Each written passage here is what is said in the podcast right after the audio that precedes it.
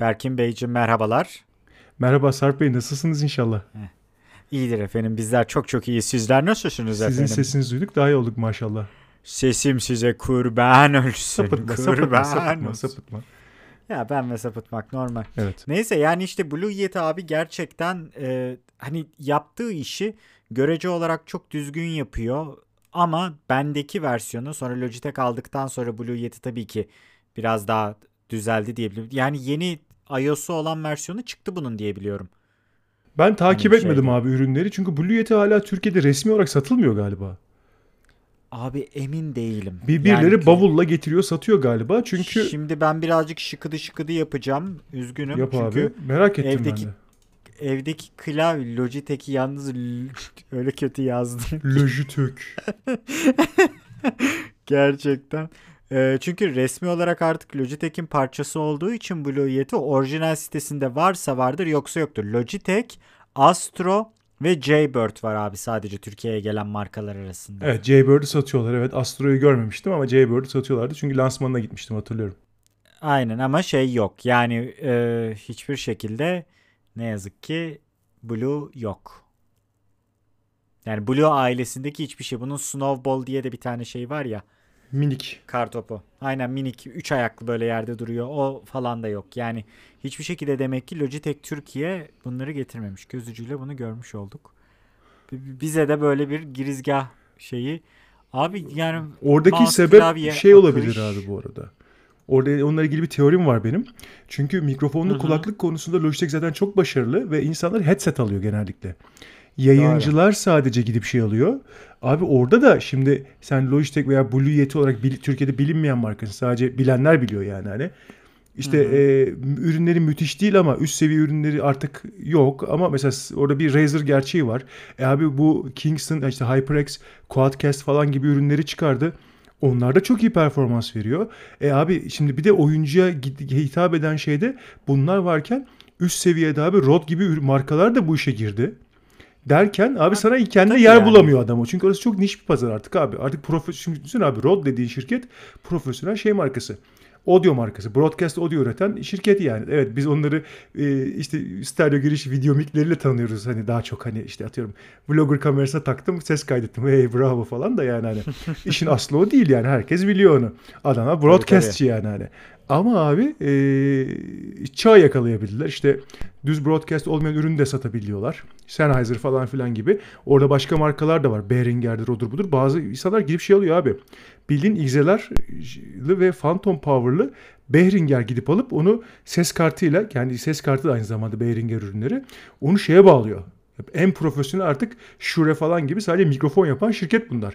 E abi o, o nişte adam kendisi de bir de debelenecek onunla mı uğraşacak abi? Ayrı bir ürün grubu ayrı adam lazım. Ben de ondan var bir Ha, ne tane. güzel işte abi yani. Behringer'in 20-20'si mi 20-40'ı e, 20-20'si var galiba bende. Çift giriş. 2 input 2 output. Onların şeyi 20'si ya birincisi inputlar ikincisi outputlar oluyor. Benimki 20-20 olması lazım. E, bir zamanlar arkadaşlar yaka mikrofonlarını takarak Twitch'te falan yayın yaparken hani aynı anda iki yaka mikrofonunu alıp onları ayrı ayrı level'larını ayarlayıp bilmem ne yapabilmek adına almıştım. Ee, çok güzel bir alet bu arada. Hani böyle lönk diyara gidip müthiş tatlı bir alet. Ama hiçbir zaman tam kapasite hakkını veremedim ben. O yüzden de birazcık içimde bir burukluk vardır ama mesela bendeki Blue Yeti biliyorsun şeysiz, XLR'sız olanı. Aha. Bunun bir de Pro'su var galiba. Hani gerçekten bir gün XLR'lı bir e, mikrofona geçer isem gerçekten o Behringer'ı ana e, audio interface olarak kullanmak isterim. İnanılmaz güzel, ya inanılmaz güzel çok iddialı oldu farkındayım ama kendi fiyat aralığında çok temiz, bası, tizi, medium'u çok güzel bir ses aktarıyor abi. Abi bilgisayar kullandığımız için biz USB ile idare ediyoruz. Tırnak için söylüyorum idare etmeyi. Broad, Tabii. broadcast'te olay doğrudan Phantom Power'lı XLR abi yani hani bunu herkes biliyor zaten. Çok çok yani cid- ciddi bir fark var açıkçası o noktada.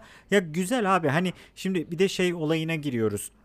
Bendeki Blue Yeti'yi sana an- anlatmadım. Seninle birlikteyken ben bunu aldım Kullandık galiba. zaten abi beraber yayınlarda falan kullandık. Güzel Tabii bir süre. tabii ben bunu Watch Dogs 2'yi e, Amazon'dan Watch Dogs 2'li bir paketle aldım. O zamanlar 100 dolar mıydı 120 dolar mıydı ne? Tabii o zamanlar dolar. E, 3 filan olacak. Ya ben bu abi Blue Yeti'yi bendeki de full siyah olanı 300 liraya falan aldım. Yani şimdi öyle bir şey alınca tabii şey yapıyorsun. Şu anda bunlar 2000 liralara çıkmış. Bir arkadaşım mesela öyle Zoom'un üstünde iki tane mikrofonu olan aynı zamanda bilgisayara bağladığında yine audio interface olan bir versiyonunu aldı. Çocuk aynı zamanda doktora yapıyor. Ya işte birileriyle röportaj falan yaparken abi yanımda götürürüm dedi. Tabii Covid var o ayrı bir hikaye de. Yani birileriyle röportaj yaparken yanımda götürürüm. İstersem istediğim yerde bağlarım bilgisayara yayın yaparım. Arkadaşlarla Discord'da konuşurum. Yani her işi kendi içerisine SD kartta kaydedebildiğin gibi yan tarafında 3.5 milimetrelik jack'i var. Bizim işte kullandığımız yaka mikrofonları gibi herhangi bir şey TRS ya da normal TRS olan herhangi bir mikrofon takabiliyorsun falan. Yani öyle bir alet varken mesela Blue Yeti mantıksız geldi çocuğa ki haklıydı. Biz dediğin gibi bilgisayar odaklı çok yaşadığımız için USB'den bunları hallediyoruz ama diğerleri çok çok çok güzel teknolojiler ya ve e, çok inanılmaz pahalı değiller. Ben eski dükkandayken Behringer'i aldım.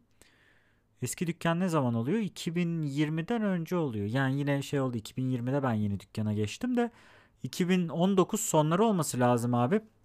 Çok affedersin söylemesi ayıptır 550 liraya falan aldım. Az bir para değil farkındayım ama böyle öf aman tanrım dünyalar tutuyor. İşte kimse asla ulaşamaz ölçeğinde bir parada değil yani. Abi ben 2019'da 2018'de e, yazında hani İzmir'e bir uğramıştım. O zaman Siren X almıştım. 600 liraya almıştım. Hala şu an kullandığım Siren X. Bir sene yattı sonra kullandım. Bir sene sonra tekrar yattı. Şeyde masada durdu. Şimdi kol aldım. Kolla çalışıyor falan filan. yani hani şey e, ha memnunum basit bir şey arıyordum ama Behringer falan yine nispeten ucuz abi. Tabii şöyle bir durum var abi. Orada şey tercih yapman lazım. Hepimizin standart arada kaldığı tercih abi. Bol kablo, profesyonel cihaz, ekstra işte atıyorum elektriğe takılacak bir ürün daha veya işte USB'ye takılacak bir ürün daha mı? Yok yoksa işte pratik olarak sadece işte bir tane USB mikrofon mu yani hani. O yüzden Çok haklısın. ya o, mesela benim o kadar kabloluk artık yerim kalmadığını düşünüyorum. O yüzden artık fenalık geliyor.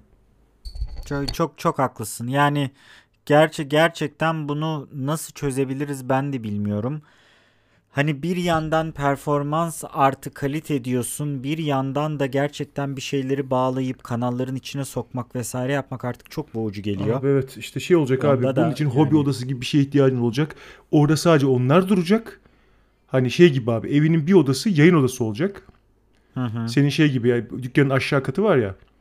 Aynen Ki aynen. orayı sadece onun için Oradaki benim kullanmıyorsun şey ama gibi tezgah gibi ya bilgisayarın olduğu workstation diyelim yani oradaki çalışma alanı gibi gerçekten her şey orada bir anda paket olacak. sen düğmeye basıp başlayacaksın abi. Ancak öyle mantıklı o iş. Ama işte evde onu kuramıyorsun abi. Yeter artık fenalık geliyor kablodan demeye başlıyorsun.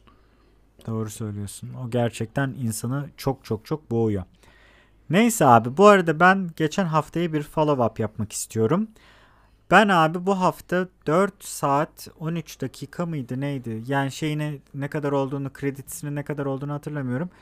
Ben abi Justice League Snyder's Cut'ı izledim. Şu anda gözlerim kapalı. E, elimi gözümün kenarına koydum. Bayağı bıkkın bir haldeyim. E, bununla ilgili Twitter'a birkaç şey yazdım. Hatta izlerken yazdım. Yani e, böyle dakika dakika olmasa da yarım saatlik 45 dakikalık aralarda sürekli kendi tweetimi mentionlayarak başlangıçtan sona kadar süreci yazdım. Gerçi şu anda Twitter'ım kapalı. 30 gün geçmesini bekliyorum. Tümüyle bütün şeyler sıfırlansın diye. E, istatistikler sıfırlansın diye. E, o yüzden şey değil. Abi birkaç şey söylemek istiyorum e, bu konuyla ilgili. Geçen hafta yaptığımız sohbete de bağlanan bir şey çünkü. Önce iyi yanlarından başlayayım. İzleyenler izlemeyenler için genel bir şey olsun. Ee, Joss Whedon'ın yapmış olduğu daha doğrusu toparlayıp bitirmiş olduğu Justice League filminden daha güzel. Ee, bunu tabii ki doğrudan doğruya Joss Whedon'ın üstünü yıkmak doğru değil. Senle ben hani basında çalışırken birilerinden yazı aldığımızda şeyi hep söylerdik. Ee, bu yazıyı ben sıfırdan yazsam düzenlemesinden daha hızlı hallolurdu ve daha az acılı Ha, olurdu evet. mevzusu. Abi Ki e, yapmışızdır kızı- o hareketi de yani hani Evet, böyle evet. yazı mı olur lan deyip kapak konusu baştan yazdım. Bir iki defa vakidir yani dergilerde. Aynen aynen. Yani hani o genelde bilmeyen insanlar için bunu da bir Not olarak düşelim. Mesela dergicilikte şey vardır arkadaşlar. Serbest yazardan yazı istersiniz dersiniz ki abi bu yazı 6 sayfa olacak. Zaten seninle çalışan serbest yazar senin sayfadaki karakter vuruş sayını, işte görsellerinin boyutunu, sayfalara görsellerin nasıl dağıtılacağını falan bilir ve buna göre klasör alınır verilir zaten hani basın yayında. Ee, adam sana yazı yollar 9 sayfa olur. Dersin ki abi 6 sayfa. Abi kaptırdım kendimi yazı verdim ya yer açsanız olmaz mı? Ondan sonra oturursun 2 gece boyunca o yazıyı anlamını ve bağlamını kaybetmeden 9'dan 6 sayfaya kırpa kırpa kırpa kırpa indirirsin. Genelde böyle bir e, altın makas olayımız vardır bizim. Ve hani o süreçte ben o ürünü alıp kullanıp inceleyip yazsam ki zaten hani işte ben yazı işleri müdürü Berk'in genel yayın yönetmeniydi.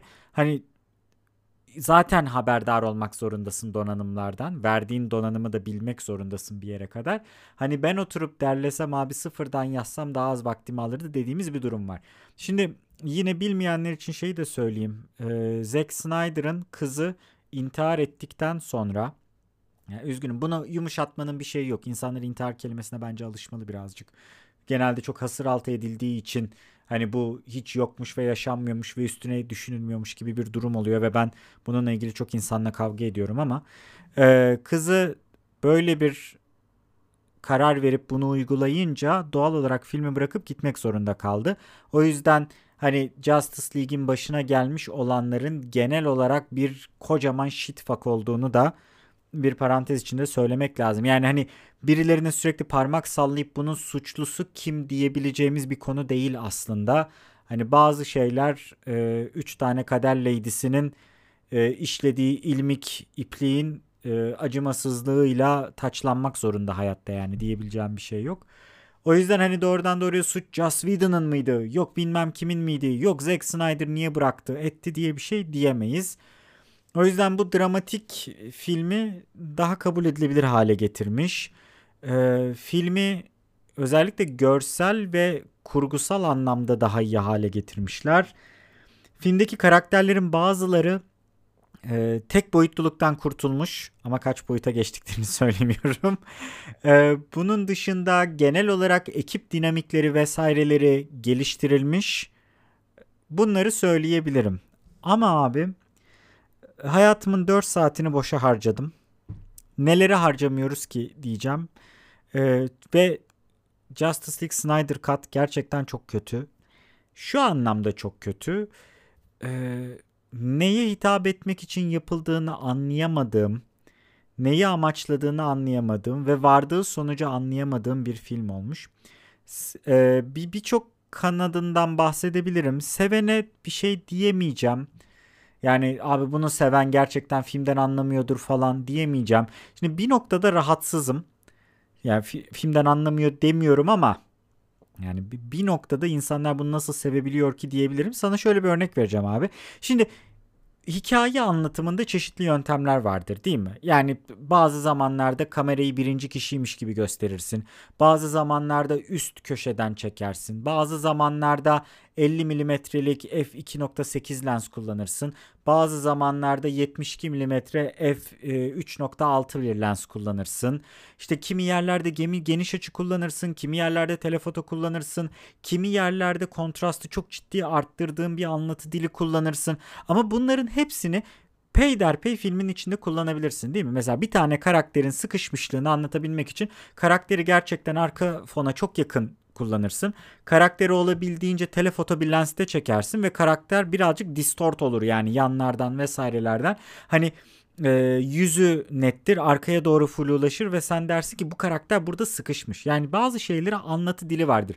Ama bütün filmi bu şekilde çekmezsin eğer çok spesifik ve çok niş bir konu anlatmıyorsan. Doğru mudur? Yani mantıken bu sana doğru geliyor mu Abi şöyle bir sürü aracım var elinde. Bu anlatıyı destekleyecek evet. mekanik araçlarım var. Bu mekanik evet. araçlar çok çeşitli senin dediğin gibi. Evet. Ve abi bu mekanik araçları sahnenin özelliklerini öne çıkarmak amacıyla kullanırsın.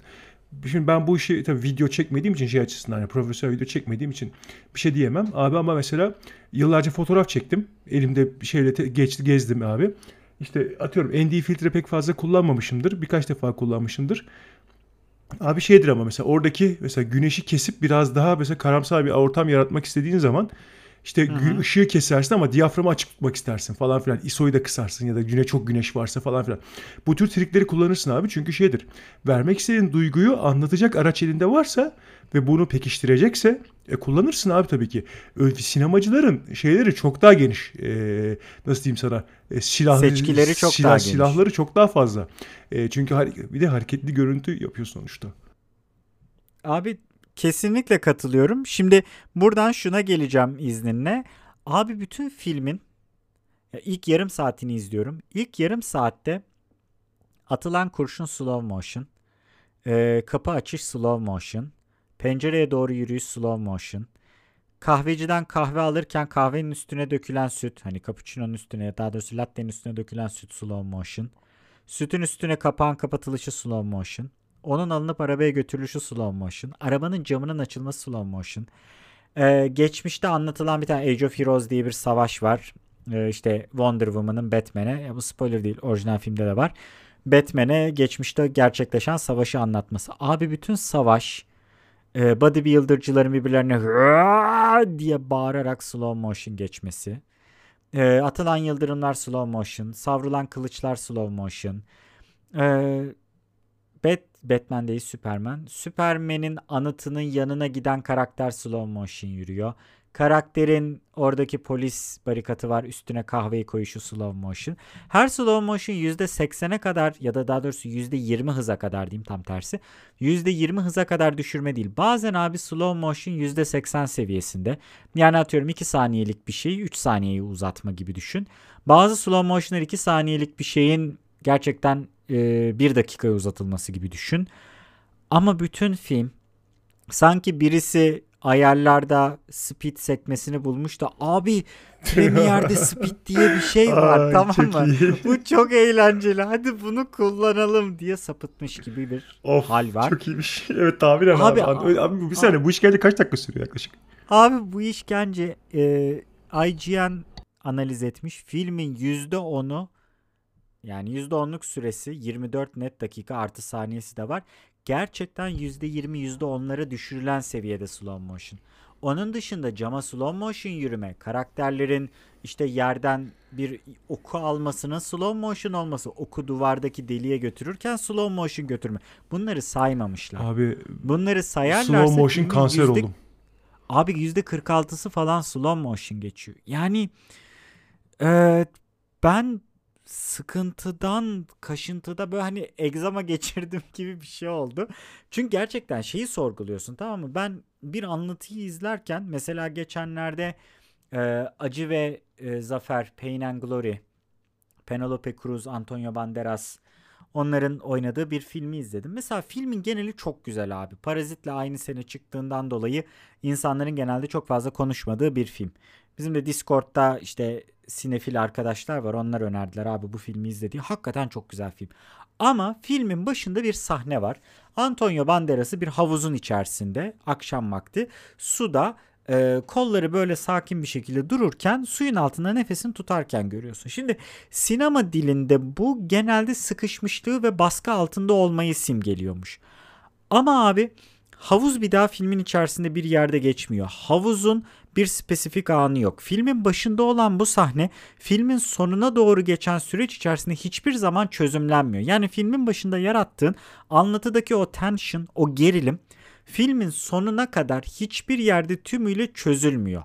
Filmin sonunda çözüm var mı? Bu tartışılabilecek bir şey. Yani aslında böyle bir artı şeyi tartışmaktır. Yani her filmin sonunda o tension'ın, o gerginliğin bir şekilde çözülmesi ve rahatlaması gerekiyor mu acaba? Çünkü filmin sonunda o rahatlamanın tümüyle gerçekleşip gerçekleşmediğine dair bir böyle Inception'daki dönen e, topaz, topaz değil, Topaç. Topaç. Heh, teşekkür ederim. Dönen topaç gibi bir şey var aslında. Yani bir süreç var, bir yolculuk yapılıyor ama yolculuğun sonunda amaçlanan yere varılıp varılmadığı net değil ki bu da güzel bir anlatı biçimi. Ama bak bunları tartışabiliyoruz. Abi dönüp Justice League'e baktığımda karakterler biraz daha derinleştirilmiş diyorum. Kötü karakterler burada e, ön planda. Ama abi kötü karakterler bir boyuttan 1.2 boyuta çıkmış mesela. 2 ya da 3 boyutlu değil. Yani bir tane karakterin neden bütün bunlara kalkıştığını öğreniyoruz adamın bir derdi varmış çünkü birilerinin gözünü boyamak istiyor. Ama abi bir göz boyamak için neden farklı gezegenleri esaret altına alıyorsun? Yani şeyi soruyorsun bir noktada. Mesela Infinity War filmi çıktıktan sonra e, benim bir arkadaşım var Zehir. Birlikte oturduk. Kendisi bayağı hardcore çizgi roman nördüdür. E, birlikte oturduk Urla tarafında e, sahil kenarında bir yer var denizaltı diyor. Orada oturduk izin istedik. Masaya oturup çay içebilir miyiz diye. Buyur abi dediler. Kamerayı kurduk Infinity War'un sohbetini yaptık. Mesela orada biz e, Thanos'un yaptığının aslında ne kadar mantıklı mantıksız olduğunu konuşabildik. Şimdi bir süper kahraman filmi standart olarak 13-18 yaş beyaz hetero erke- erkeklere yönelik olan bir filmden bahsediyoruz. Buradaki bir karakterin inanılmaz derin bir sebebi olmasına gerek yok gibi ama en azından hayatından 20 dakikayı harcayıp abi gerçekten bu adamın yaptıklarını nedenselleştirdiği bu kavram iyi mi değil mi tartışabiliyor olmak hani geçen şeyde seninle konuştuk ya Pacific Rim iyi bir film ve hani dedik aslında bu bare minimum olmalı. Hani vasat dediğimiz şey Pacific Rim olmalı ve üstüne çıkmalı. Sen de dedin ki keşke ama çok işte iyimser bir bakış açısıyla yaklaşıyorsun Öyle diye. abi maalesef keşke. Aynen. Hani Infinity War'da da şeyi söylüyorum yani Thanos'un yaptığını tartışabiliyor olmamız en azından 20 dakika bile olsa hani entertaining the idea en azından bu fikirle kendimizi hoşbeş ediyor olmamız bence güzel bir şey. Ya bu o film skalasından benim bekleyeceğim bir şey. Ama abi Justice League'e dönüyorsun. Evet Darkseid'ın neden artık bir derdi olduğunu filmin ortalarında ikinci saati geçmişken film 4 saat bu arada ve ikinci saati geçmişken kötü karakterin aslında neden gezegenleri e, ele geçirmek istediğine dair bir cümle söyleniyor. Ama bu cümle tam bir McGuffin. McGuffin bilmeyenler için Google'ladıklarında e, Alfred Hitchcock'un bir tanımıyla karşılaşacaklar. O tanım amacımız. Yani anlatı içerisinde bir şey var, bir McGuffin var. Bu bir kutu olabilir, bu bir scroll olabilir, parşömen olabilir. Bu birinin birisine kulağını fısıldadığı bir şey olabilir. Ne olduğunu bilmeyiz, ne sonuca varacağını bilmeyiz. Bütün film boyunca herkes o kavramın peşinden koşuyor olur. Ve McGuffin dediğimiz şey bir yere de varmaz. Çünkü McGuffin'in görevi zaten McGuffin olarak peşinden koşulmasıdır. Yani e, karakterler McGuffin'in peşinden koşmakla mükelleftir ve amaç McGuffin'i elde etme sürecidir. Elde etmek değildir. Çünkü elde ettiğinde genelde McGuffin'le ne yapacağını bilemezsin. O yüzden anlatıda genelde McGuffin'lerle ilgili en ilginç şey McGuffin'i elde ettiğinde bununla ilgili bir twist yaratan karakterlerdi falan filan. Abi e, işte anti-life equation diye bir şeyden bahsediyorlar. Ben de senin kadar bilgisizim bu konuda çok net söylüyorum. E, hiçbir fikrim yok ne demek olduğuna dair ve film bunu açıklamakla ilgili abi anti-life equation varmış. Ne? Anti-life equation mı varmış? Demek anti-life equation varmış. İyi de abi peki yani Anti-Life Equation bir McGuffin. Herkes bunu elde etmek istiyor ama kimse ne boka yaradığını söylemiyor. Hiçbir anlamı yok. Tamam abi Anti-Life Equation içinmiş her şey. Hmm evet Anti-Life Equation varsa o zaman işler değişir. O sırada camdan bir tane İtalyan böyle pizza şefi çıkıyor. Ne? Anti-Life Equation mı? Mamma mia falan diye böyle bağırıp ondan sonra camdan içeriye geri giriyor falan. Ağzı yüzü un içinde. Yani Peki abi bu bunlarda böyle derinlik aramak vesaire aramak o kadar ilginç geldi ki. Velhasıl ee, geçen hafta konuştuğumuz WandaVision üzerinden artık işte hani ya da bir Gaffer'ın ışıklara dikkat etmemesi, bir görüntü yönetmeninin umursamaması, bir kamera asistanının işte kameranın fokus nobunu çevirirken minik hatalar yapması artık kimsenin umurunda değil. Çünkü gerçekten ya böyle bir şeye baktığı zaman mesela Steppenwolf diye bir tane karakter var abi. Steppenwolf'un çevresini Transformers bıçaklarıyla kaplamışlar. Böyle orası burası fikidi fikidi fikidi diye bıçaklarla oynuyor. Sürekli alakasız yerlerden yeni gadgetlar çıkıyor. Karakterlerin güç dengesi belli değil. Hani ben sana yumruk atıyorum, sen benim yumruğumdan etkilenmiyorsun. Sonraki sahnede ben sana yumruk atıyorum, sen 300 metre ileriye uçuyorsun mesela. Abi niye 10 dakika önce uçmuyordun da şimdi 300 metre 10 dakika önce yumruğumu suratına vuruyordun farkında değilsin. Yanağından sekiyor. 10 dakika sonra 300 metre seni uzağa fırlatabiliyorum. Hani hiçbir şeyin bir skalası yok, bilmem nesi yok falan filan. Özetle 4 saati harcadığım ve hani genel olarak sinema anlatı sektörüne geçen hafta konuştuğumuz darbelere bir tane daha darbe vuran bir işti. Bu hani beğenene abi sizin zevkinize demiyorum. Çünkü gerçekten hani demeye mecalim olmadığından dolayı yoksa gerçekten bir başka örnek vereceğim. Ee, yine aynı popüler kültür yapısından The Falcon and the Winter Soldier MCU'nun yeni dizisinin ilk bölümü bizim podcast'in çıktığı gün yayınlandı. Ee, dizinin bölümünde bir şey var abi. Bir karakterin bir başka karakterle sohbeti var. Olabildiğince spoilerdan uzak şey yapıyorum. Senle biraz önce konuştuğumuz şey karakterin sıkışmışlığını anlatabilmek için abi o sekans sürekli çok yakın yukarıdan açılı bir şekilde sanki birisi ağzının içine girmiş gibi ama e, yüzüne profilden baktığını düşün. Profilden yukarıya doğru 35 derece açıdan aşağıda bakıyor. Burnun, gözün ve e, elmacık kemiğinin olduğu yere odaklı bir şekilde ve çok şey bir e, lensle çekilmiş. Yani telefotoya yakın bir lensle çekilmiş. Sadece o bölümler net arkaya doğru her şey full ulaşıyor. Resmen sıkışmışlık hissi yani. Abi film şey dizinin sadece orasında bir ruh halini anlatmak için kullanılıyor. Ama kimse dizinin geri kalanında 40 dakikalık bölümde zırt pırt bu kamera açısını kullanmıyor. Abi bu tuttu. Böyle bir böyle bir lensimiz varmış. Biz bu yeni lens geldi. Arkadaş bize bunu Ukrayna'dan getirdi. O, Odessa'da bu lens çok popülermiş. O yüzden lensi getirdi. Biz de bütün diziyi bununla çekelim. Dememiş abi kimse. Yani Ya abi Hani aklın yolu bir diyorum ya abi sinemat sinematografinin araçları fotoğrafa göre çok çok daha fazla aslında. Fotoğrafının daha çok vakti var ayrı konu. Çünkü fotoğraf genellikle stüdyoda profesyonel çekim yapmıyorsan genellikle solo bir uğraş. Özellikle amatör çekiyorsan falan filan. Ama abi şimdi orada kocaman ekiple tabii ki onları yapma şansın yok ama ekipmanın daha fazla varken de abi kullanırsın ama hani abi e, hey lensimiz gelmiş Odessa'dan hey her yerde bunu kullanalım yaşasın vihu deyip o neymiş abi. Ya bu arada sen Abi şeyleri Zack anlatırken Zack Snyder'ın şeyini evet. anlatırken ben sen ben dinlerken fenalık geçirdim artık kendimi kesecektim şurada. Ha o, o da mı slow motion? Tuvalete gidiyor kaka düşerken slow motion. Vlopçuk su sıçrıyor vlop. Aynen abi. Ya, aynen. yani Adam abi? bak hani Wonder Woman'ı ateş ediyorlar tamam mı? Kurşunun sıkılması için tetiğe basış slow mo. Kurşunun uçtan çıkıp etrafa e, muzzle flash'i yayması slow mo. Kurşunun Wonder Woman'a yaklaşması slow mo. Wonder Woman'ın kurşuna bakması slow mo. Koluyla kurşunu kenara atması slow mo. Adamın şaşırması slow mo. Adamın it cannot be gibi bir cümle söylemesi diğerleri kadar olmasa da hani diğerleri %20 seviyesine düşümü %80 seviyesine it cannot be slow mo abi yani ben de artık böyle gerçekten o, o esnada dedim ki abi beni öldürün ya hani vurun ne olur şu kuşu kurşun bana seksin Wonder Woman en azından Gal Gadot'tan bana sekti derim yani kurşunun da bir anlamı olur. Hani acıklı bir şeydi. Ah, yani şey geçen haftaya böyle bir e, follow çünkü geçen hafta izleyeceğim ben bunu yapacağım demiştim. Yaptım. Vallahi abi çokgen teker dinleyicileri bu bu fera, Amme fer, bu feragatini unutmayacak abi. Yani hayattan feragat edip 4 saatini bırakıp bunu izlemeni asla unutmayacak. Saygılar. Abi ge- ama gerçekten yani bi- biraz düşününce hakikaten öyle olmuş oldu. Neyse ki üstüne e, şeyin 9. cildini bitirdim. Sandman'in 9. cildini bitirdim. Muazzam ötesi bir ciltmiş.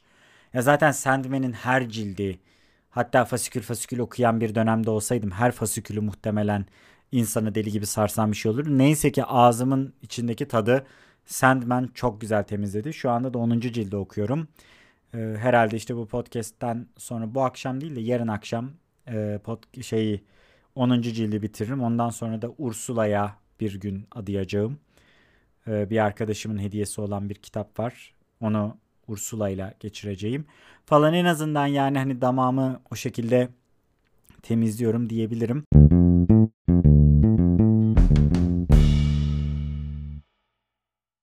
Ben damağımı nasıl temizliyorum biliyor musun peki? Şu an Alayım hemen abi sürpriz hemen. konuya gireyim ben. Abi ben Lütfen. bunu Twitter'da muhabbetini çok yapmıştım. Ee, sevgili eski çalışma arkadaşımız Aydoğan Aykanat'ın bana Aha. verdiği gazlar sonrasında ben gittim önce işte Formula 1 izleyeceğim ben bu sene. Hey dedim. Yıllardır izlemiyordum hakikaten takip etmiyordum. Süper. Böyle bir gaza geldim. Çünkü abi meraklıydım ya. Çok ufakken izliyordum. Abi şeydir standart çocukluk travması herkesin bir şeydir. Benim de Ayrton Senna'nın İmola'da can vermesi, kaza yapı. Gözümün önünde oldu yani. Canlı izliyordum yarışı yani. Hadi Tabii ya. canım yani çocukluk draması yıllarca izlemedim. Sonra 2000'lerin başında kardeşim merak sarmış. Kardeşim de o sıralarda ayrı illerdeydik. Abi izle ya çok güzel ya David Coulthard falan işte Michael Schumacher falan çok güzel mücadele var. İyi hadi lan falan dedim. İzlemeye başladım 2000'lerin başında. Türkiye Grand Prix'si bittikten sonra tekrar koptum haliyle. Neyse abi şimdi bu sene tekrar o kadar çok böyle gaza geldim. İzleyeyim lan dedim. Eğlenceli sonuçta. Gittim abi bu işte Saran Holding'in işte S-Sport diye bir tane kanalı var. Blue TV falan gibi platformlarda da var galiba bu adamlar. Bu da reklam gibi oluyor da yani aldığım şeyi anlatayım insanlara. Hı Ee, abi Esport Plus da bunun dijital yayın platformu. Aynı anda bir sürü streaming yapabiliyorlar yani hani. Abi Allah kahretsin şöyle bir şey var. Şimdi ben Formula 1 izleyeceğim diye aldım. Daha sezon başlamadı. İşte geçen önceki hafta şey izledik. Ee, açık açık e, şey turlarını e, ne diyeyim sana? Ant- Sıralama aç- evet, turlarını. antrenman turlarını. Açık antrenman Hı. turlarını izledik. İşte her araba böyle 100-150 tur atıyor her günde 3 gün boyunca. İşte e, test yaptılar Sakir pistinde. E, Doha'da, Katar'da. Abi şimdi işin kötü tarafı şu. Esport Plus'ta sadece Formula 1 yok. Esport Plus denilen şeyde dijital platformda abi Bundesliga var Alman futbolu. La Liga var İspanya. Premier Lig var. Bunlar abi çok düzgün futbolun oynandığı şeyler. Ben Türkiye'de oynanan futbolu sevmiyorum. İzleyene de, izleyene de garip garip bakıyorum. Yani taraftarlık mantığıyla izlenebilir sadece. Gideceğiz işte bağıracağız bilmem kime küfür edeceğiz statta. Artık stada da gidemiyorsun. Sokakta küfür edince e, kesiyorlar biçiyorlar falan filan. Hani hiçbir fonksiyonu yok. Kötü bir de yani hani futbol. Ya çok düşük nitelikli. Böyle söyleyince kızanlar oluyor falan filan. Abi şimdi onlara da bakınca ulan bunlar izlenebilir dedim. Çünkü adamın liginde 7. ile 12. oynadığı zaman seyirlik bir şey ortaya çıkıyor çünkü. Bu saydığım üçlükte. Ulan ben bunları izlemeye bir başladım akşamları. Can sıkıntısından sonra işte haftada 4 gün 5 gün maç var. İşte pazartesiden, e, cumadan pazartesiye kadar 4 gün her ligde maç oynanıyor. Arkadaş futbola doydum. Ondan sonra arada arada abi Bahreyn'de mi e, Katar'da mı ne bir tane tenis turnuvası vardı. ATP turnuvası. Abi şansa bak 13 aydan sonra Roger Federer ilk defa şey ameliyat falan geçmiş adam sakatlanmış. İlk defa o turnuvada oynayacak. Çeyrek finalde mi yarı finalde mi ne elendi? Hani oturdum onları da izledim anasını satayım. Böyle resmen kontente doydum tamam mı? Böyle canlı spor müsabakasına doydum. Hani Türkiye'de izlemediğim ne varsa onları izlemiş oldum. Abi yani hani şeymiş e, taraftarlık maraftarlık gibi abuk subuk şeyleri kenara bıraktığın zaman nitelikli spor müsabakası kendi izletebilen bir şeymiş. Ha ben onu fark ettim. Aynı davranışı e, bu hani elektronik oyunların işte diyorum ya büyük turnuvalarında izlemeye çalışıyorum hani vakit buldukça diyorum ya. Aynı mantıkla da onu yaptığımı fark ettim. Yani aynı mantık. Yani futbol olunca da izliyorum ben onu. Güzel bir mücadele var. Sonuçta ben taraf tutmuyorum orada. Millet nasıl oynuyorya bakıyorsun. İşte adam topu nasıl attığı bakıyorsun. Servisi, servisi nasıl kullandığı bakıyorsun. İşte e, Formula 1 ise ya da işte motor sporuysa nasıl solladığı bakıyorsun. Şeyde de e, nasıl koydu lan mermiyi ha'ya bakıyorsun yani mesela yani ama sonuçta oradaki yeteneği görüyorsun o hoşuna gidiyor falan filan hani. Çünkü senin onu oynamaya o seviyede oynamaya vaktin yok ama güzel bir seyirlik olay ortaya çıkıyor. Show çünkü yani hani gerçi şeyler çok daha iyiydi. E, dijital sporlarda da bile meydana topluyorlardı insanları kocaman spor salonunda böyle millet kendinden geçiyor falan. Gerçi ona çok anlam veremiyorum çünkü ben hep evin rahatlığında izlemeye çok alışığım. Bugüne kadar aynı rahatlıkla izlediğim tek şey abi e, İstanbul'da bir tane WTA finali yapılmıştı. Ee, ilk 8 gelip oynamıştı. Biz final maçına bilet almıştık. Ee, kuzenim gitmişti abi. Tenis maçlarını çekilen yerden bilet almıştı bize. Tam böyle e, televizyonda izler gibi izlemiştik. Millet Ha, gitmiş hep şeyde yanlardan izliyor. Biz de arkadan Ee, izliyorduk. Neresiydi orası? Garantinin bilmem neyin olduğu bir, bir- Ben de orada çünkü biz de canlı bir tenis... Sinan Erdem spor salonu şeyde Bakırköy Ataköy'de. Yok. Benim dediğim orası değil. Benim dediğim abi bayağı Çok böyle uzak abi, Avrupa evet. yakasında uzakta olan Yok bir orası yer. değil, orası değil, orası değil. Anladım neresi olduğunu, ismini hatırlamıyorum. Yok, Bu şeyde Ben de yapılmıştı. ga- garanti bilmem ne şeyleri galiba orası. Biz orada iki gün mü ne e, gerçekten müsabakaları izlemiştik. Bir şeylerin finalini de orası zannettim. Yok bu ondan önceki sene yapılan şey. O ben oraya gittim oraya da bilet aldım. Sonra dedim ki ulan buraya gidilmez biletimi yaktım. Yani gerçi Hmm. ucuz, Ya ucuz biz almıştım. arabayla gitmiştik Eyvallah. oradan rahatlıkla yani ki ki düşün ben de Ataşehir'den gitmiştim oraya. Abi Böyle Zaten şeyde bir noktada dönüş için trafiğe baktık. iki buçuk saat diyor. Dedim burada biz bir Mall of İstanbul'da falan gidelim. Yemek yiyelim edelim. Akşam kapanışa kadar kalalım. Kapanışa kadar kalıp bir saatte dönmüştük falan yani. Abi oralar çok uzak. E, Sinan Erdem nispeten yakın bir yer. Hani abi o keyif, o seyir e, güzel bir şeymiş yani. Onu fark etmeye başladım.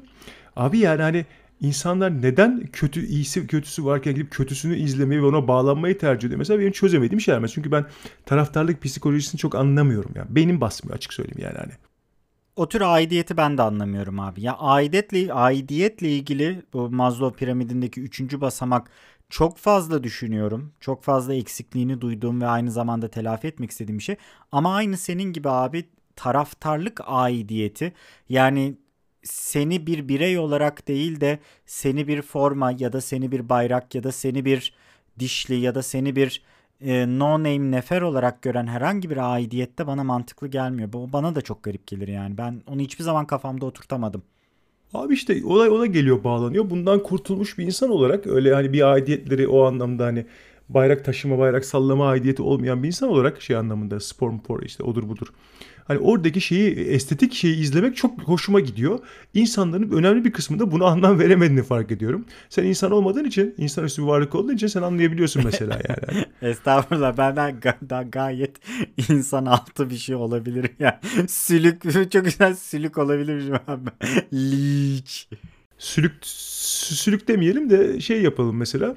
İşte kitap dedin ya benim de aklıma şey geldi abi. Ben e, gaza geldim. Gittim abi e, Itaki yayınlarından çıkan, böyle Itaki diye okunuyor değil mi? Yanlış bilmiyorum. İtaki, İtaki, İtaki falan evet. değil yani değil mi? Çünkü nece olduğunu Ben- ben ne de olduğunu düz- bilmiyorum yani hani. Ben de düz Itaki diye biliyorum. Abi ben Sturgatski kardeşlerin 5 tane kitabını yayınladı bu adamlar. Hepsini gittim satın aldım. Esas Aa, tetikleyen evet. tabii ki favori hayvanım olan Yokuştaki Salyangoz ismini kapağında salyangoz olan kitaplar. Onu okumaya başladım abi. Ondan sonra araya bu şey girdi. Esport Plus girdi ve 5 kitapta kenarda duruyor şu an. Allah kahretsin. Abi e, uzayda piknik zaten klasik. Evet abi, Zaten herkesin övdüğü bir şey. Ama bence ya beni en çok etkileyen kitapları dünyanın sonuna 1 milyar yıl mıydı? Evet. Ee, öyle Kıyame ki- abi, kıyamete in- 1 milyar yıl. Heh, Kıyamete 1 milyar yıl. Abi inanılmaz güzel bir kitaptır. Ben e, onun bir sayfasında hatta zamanda Instagram'da paylaşmıştım onu. Abi ben hani aşk romanı değil sonuçta o yani. Gayet bir çok hoş bir bilim kurgu şeyi. Abi içerisinde bir paragraf var tamam mı? Entelektüel aşk dediğimiz şeyi kıçı kırık bir paragrafta. Abi bir ikili bu kadar güzel mi anlatır? Ee, Bu kadar harika mı? Anlatıyor, yazıyor. Hani böyle şey gibi. Hani samuraylarda birisini kesersin hiçbir şey olmamış gibi kılıcını kenara doğru savurursun da kanı dam şey yapar. Fıçık diye sıçrar. Ondan sonra alıp hiçbir şey olmadığı Shiburi gibi, dediğimiz e, hareket evet. Heh, ondan sonra kınına sokarsın ve hiçbir şey olmamış gibi yoluna devam edersin. Abi resmen onun böyle bir hani bütün dünyada o paragrafı okuyup insanlara algılatsan tamam abi dünyanın bütün aşk temelli hani psikolojik fiziksel bilmem ne şiddet ya da sıkıntılarını çözersin ya. Ö- öyle bir paragraf. Bir paragrafta her şeyi paket olarak anlatıp yoluna devam edebilmiş olmak. Yani çok çok çok güzeldi. Bu arada genel olarak müthiş bir hikaye. Ya mesela Uzayda Piknik daha çok sevili. Ben o ikisini okudum. Sadece onu söyleyebilirim. Bu arada 5 kitabın Uzayda- ismini sayayım mı? Say. Şu an lütfen. Itaki'den yeni çıkmış, yeni tasarımlarıyla çıkmış olanlar. Yokuştaki Salyangoz, Tanrı olmak zor iş, Pazartesi Cumartesi'den başlar, Kıyamete 1 milyar yıl, Uzayda piknik. Şu an 5 tane kitapları Tanrı, var. Tanrı olmak zor işi aldım mı ben? Onu bilmiyorum. Ben bu arada bu kitapları askerlikten çık e, askerden çıktığımda e, otobüs beklerken bir kitapçıya girip alıp şey yaptım iki kitabı da. Oradan paldır küldür. Öyle benim için bir de absürt anısı. Abi çok harika iki yazar ya. Hani e, şeyi de söylemek lazım. Sovyet dönemi bilim kurguları ya gerçekten böyle second none yani hiç e- eşi benzeri yok. Ağır mı olur? Belki de olmaz aslında. Abi şöyle yani zaten hep çok müthiş Doğu, kafayla Doğu ve- bloğundan çıkmış abi yani. Bugün mesela e, abi robot kavramı, robot sözcüğü nereden geliyor?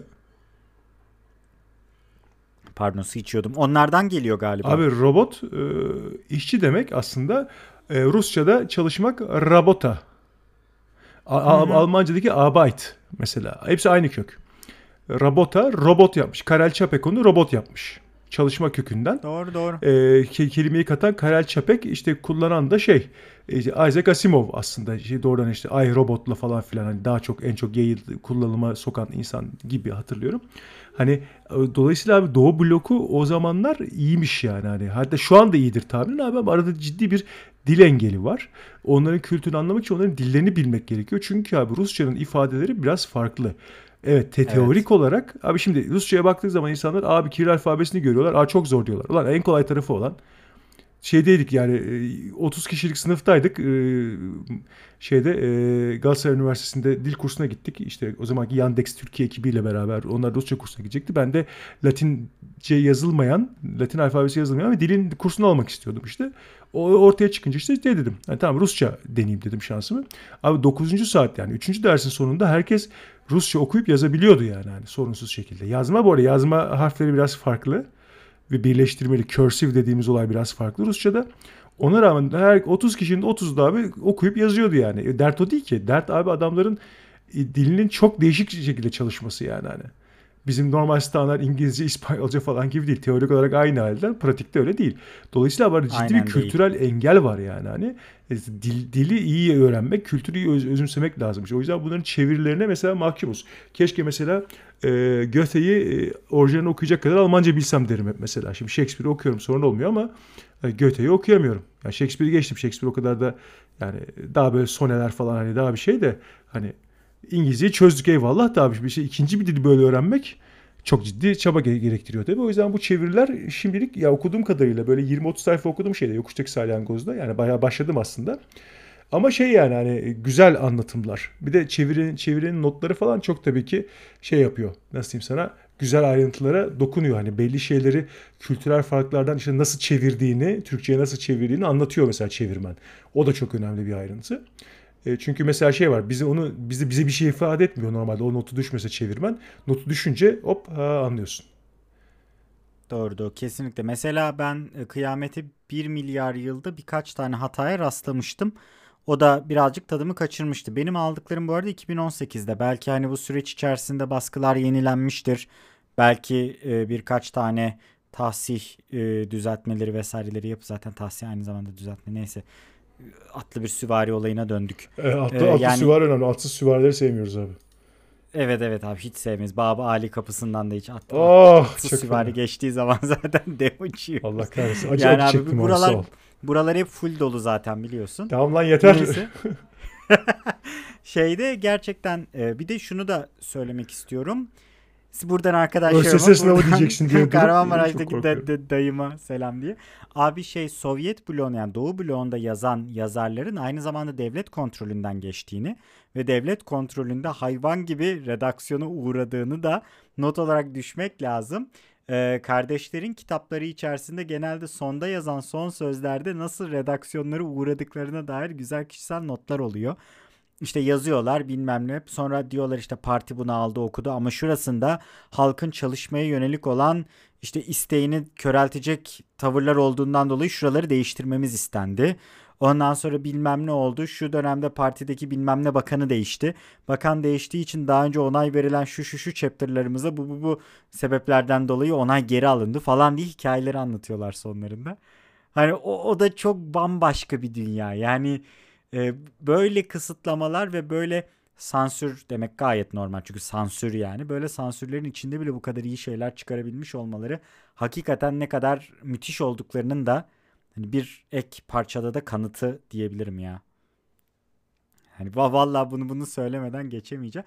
Bir de şeyi söyleyeyim sana. Bir zamanlar Eskişehir'deyken e, üniversitedeyken ben İzmir'den bir arkadaş geldi. O zamanlar İzmir Kon'da tanıştığımız ettiğimiz birisi. Abi geldi ailesiyle birlikte oraya taşınmış. Maden mühendisiydi. Orada yeni yapılan bir madenin sorumluluğunu almak için gelmişti. Abi adamın evine gittik. Adam televizyonda Avustralya futbolu izliyordu mesela. Bak bundan 10 yıl önce olması lazım. Avustralya futbolu izliyor. Benzer soruyu ona sordum. Abi dedim ne yapıyorsun? Niye Avustralya? Abi dedi Türkiye'deki futbol vesaire o kadar leş ki bu leşliğin içerisinde debeleneceğime gidip bu işin biraz daha kaliteli yapılan versiyonunu izliyorum. Bu kadar yani dedi. O, o da böyle bir ağır e, sempatizanlığı ya da bir taraftarlığı yoktu herhangi bir takıma karşı. Aralarından bir tanesini beğenip seviyordu abi. Tercih ediyordu ve onun yani bu, bu sefer bu maçta bu kazansın falan diye takılıyordu ve öyle bir ruhu ondan da duymuştum. Bir de bir minik parantez daha açayım son olarak. Çok futbolu seven, Fenerbahçe'ye deli gibi aşık bir ofis müdürüm vardı daha önce. Ateş abi. Hani bir şekilde ona ulaşıyorsa bu podcast'te kendisine sevgilerimi iletiyorum. İnanılmaz tatlı birisidir. Ateş abiyle konuşuruz. Adam ölümüne Fenerbahçeli ve bir gün sohbet ederken şey söyledi. Sarp dedi yani hani futboldan keyif almayan birisi olarak sen bilmiyorsundur ama Türk futbolu öleli 4-5 yıl falan oldu dedi ki biz bunu 2015'te falan konuştuk. 4-5 yıl oldu Türk futbolu tümüyle öleli dedi. Nasıl yani abi dedim. Artık her şey sadece şikeden, her şey sadece kuru taraftarlıktan. Hani oynanan futbolun bir kalitesi bile kalmadı dedi. O, o zaman yani düşün futbola bu kadar gönül vermiş, taraftarlığa bu kadar gönül vermiş birisi bile bu gerçek muhakemeyi yaptıktan sonra senin söylediklerin bir kez daha anlamlı hale geliyor. Ya insanlar bu soruyu sormalı abi ya gerçekten. Hani iki tane renkten oluşan bir bayrağı ve hani her boşa çıktıklarında senden para dilenen bir bayrağı bir de öyle söyleyelim yani. Dünya kadar milyon eurolara insanlar alınıp satılırken böyle bir de köle ticareti. Gibi oldu biraz ama neyse çaktırma abi şey gibi hakikaten kontrat diyelim ya. O, o, Abi o, evet yani kontratta kiralanan, emeğini kiralayan çalışanlarımız, sevgili çalışanlarımız.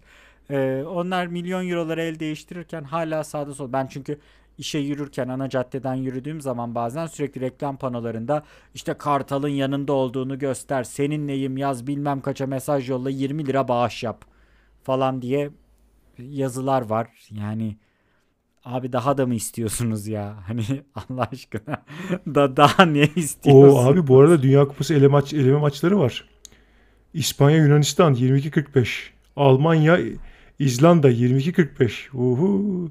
Sıçtık. zaman tamam. Bu, bu gece çok uzun olacak. Ben bunları oturup Tamam o Zaten, zaman. uyku, zaten Biz- uyku sorunum var anasını satayım. Biz bu konuyu kapatalım o zaman. Bundan sonraki konuya geçelim yoksa seni maçlara yetiştiremeyeceğiz. Yok be abi ne gereği var da. Yok yani abi ister istemez açıyorum bakıyorum. Çünkü diyorum ya estetik bir şey yok karşında oynuyor. Bu şey gibi abi. Hani bir tarafta sokak kavgası izlerken öteki tarafta Kuğu Gölü Balesi izlermişsin gibi. Aradaki fark bu seviyede olduğu için hiç abartmıyorum bu arada bunu. E, bu, bu farkı abarttığımı düşünen varsa otururuz abi yan yana maçları koyarız. Ben de dedim abi 7, bir ligin 7.siyle 12.si oynarken zevk alıyorsan o lig güzelliktir abi. Ben izliyorum, izliyorum alıyorum o zevki yani hani çünkü düzgün şey oynanıyor. Türkiye'de abi işte derbi dedikleri şeyde abuk subuk olaylar. Neyse abi takmıyoruz çok fazla. Dediğim gibi böyle bir batağa düştüm Allah kurtarsın. Ha bu arada bu batağın daha da devamı var. Onu ekleyeyim abi bu arada kapatmadan konuyu. Şimdi nasıl söylesem Ne bilemiyorum. gelecek çok merak Abi ediyorum. şöyle- Bir de yanında artı 18'a 5 tane Yok kanal yok yok keşke öyle bir şeyler olsa. Biraz daha sonra işte ardinal salgılanır. Bu arada Türkiye'de artık hiç kalmadı değil mi? Türkiye teknik olarak yasak abi. Benim bildiğim hiç kalmadı yani. Eskiden e, gece 12'den sonra çocukluğumuzda kanalın öyle içerik, normal standart ulusal kanalın öyle içerikler verdiği bir dönemden hiç olmadığı bir dönem. Abi şu an Rütük'te normal şeyde yayınlanan olayda mesela olay örgüsü içinde kadın erkeği veya erkek kadını aldattığı zaman Rütük ceza kesiyor falana geldik. Yani bildiğin e, şeriat cemairiyesine döndü yani. Neyse. Ama ocakta ocakta el yakmak falan serbest diye E biliyorum. tabii işkence, adam vurmak falan filan. E onlar şey serbest, onlarda sorun yok. İnsan dövmek, kadın dövmek vesaire. Aynen. Güçsüz- Neyse hadi sen batağın ikinci kısmını Ha, anlat. Hayallerimiz olay yine çöktü, bir Aydoğan şey olsun. arkadaşımızdan geliyor tabii ki bu batağın devamı. İşte bu şey turlarını, e, açık antrenman turlarını e, izlediğini gördüm. Tweet atmış kendisi. Dedim, e, aldım WhatsApp elime. WhatsApp'tan yazdım. Aydoğan dedim, kim yayınlıyor bunları? E, şeyde yok, Esport Plus'ta yok dedim. Hani kim yayınlıyor? Abi F1 TV yayınlıyor dedi. Na na na na. na na na na. Şimdi şöyle bir durum var. F1 TV de abi Play Store'dan alırsan ya da Play Store ya tabii Google Play Store'dan alırsan abi ayda 40 liraya premium versiyonu. Premium versiyonda bütün idmanlar, bütün işte pilotların, arabaların her kamerası, onlar bunlar her şey var abi içinde. Peki bir şey Anlık soracağım. telemetri verilir. Değiştirebiliyor musun? Tabii arada geçiş Yani- yapabiliyorsun diye biliyorum da henüz yarışlarda o sadece devreye girecek. Ben daha görmedim Ha. ama işte bu hafta sonu göreceğiz yarışta. Ee, dedim "A- Aydoğan Allah kahretsin şimdi gideceğim ben buna da para vereceğim. Abi vallahi ben 40 lira verdim aldım. Kolay gelsin sana dedi. Sırıttı. Gülme emojisi geldi. Gittim abi o hafta sonu bütün şeyleri açık antrenmanların hepsini oturdum izledim ya. Allah kahretsin ya. İş Allah yapıyorum Allah. monitörün altında tableti açtım. Abi sadece içerik izlemek için işte onu bunu bir internetten içerik izlemek için gittim tablet aldım kendime. Böyle 4 hoparlörlü bir tane Samsung aldım. Henüz bendeki Hı hı. şeyi tembellikten yaptıramadım iPad'e. Neyse abi abi resmen aşağıya monitörün altına tam da oturuyor böyle. Aşağıda Formula 1 araçları dönüyor. Üst tarafta ben normal Excel'de işlerimi yapıyorum falan. Üç gün böyle geçti. Cuma, cumartesi, pazar iki hafta önce. Arkadaş yani hani batağın devamı da böyle oldu. Ayda 40 lira da oradan duhul etti. Abi peki bir şey Çok eğleniyorum, ayrı konu. Ay- Aydoğan niye hiç zahmet edip affiliate link ayarlayıp kendisi bundan para kazanmıyor? Valla kazansa bayağı bir devirmişti. Adam şey gibi ya Formula 1 ambasador gibi çalışıyor zaten. Helal olsun. Abi evet ya İzmir'e en son geldiğinde Aydoğan'la görüşmüştük biz. Palmiye'de oturup bir şeyler içmiştik falan. Yani zaten Covid olduğundan dolayı kimse bir yere kımıldayamıyor gerçi de e, hani şey modunda gerçekten bir daha uğrarsa hesap sorayım. Bir, ya oğlum bari affiliate link ayarla da şunlar da Berkin'den para tırtıkla. hani daha Abi, doğrusu Berkin'den tırtıklıyorlar 3-5 sen de onlardan Tabii canım tırtıkla. 3-5 para paradır abi ne olacak? Yolunu bulursun Aydan falan diyeceğim ben de. Neyse biz sevgili arkadaşımızla anmış olduk. Bakalım hafta ara, ara da yorumları paylaşıyoruz sürekli de işte. Ya işte şey var abi etrafında bir de sende aynı şeylerden zevk alan insanlar işte farklı konularda farklı insanlar tabii. Birebir kendi klonunda olmadığı sürece senden her şeyden zevk almaz senin zevk aldın tabii ama Hı hı. iyi olunca tabii daha da eğlenceli hale geliyor. En azından geyiğini yapabiliyorsun. Vaziyet bu abi. Bir sonraki konuya geçelim bence. Geçelim abi.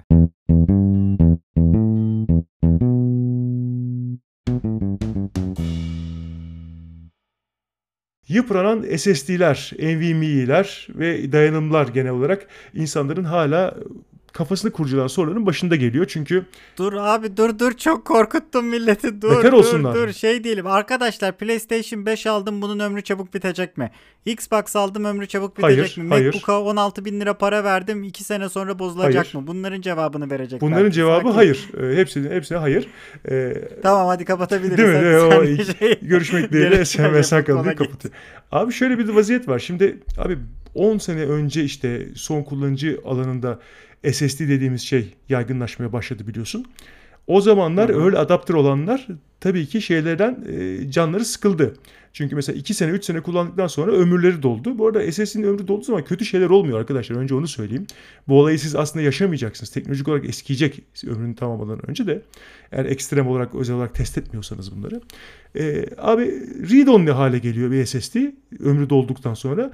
Çünkü o içindeki o flip floplar dönmemeye başlıyor. Statik içindeki veri kalıyor. Read-only olarak açarak herhangi bir sisteme takarak işletim sisteminden bağımsız read-only mounting option sunan yani Windows, macOS, Linux türevleri hepsini yapabilirsiniz. İçindeki bütün veriyi alabiliyorsunuz arkadaşlar. Bir kere önce bunu bir kenara koyalım.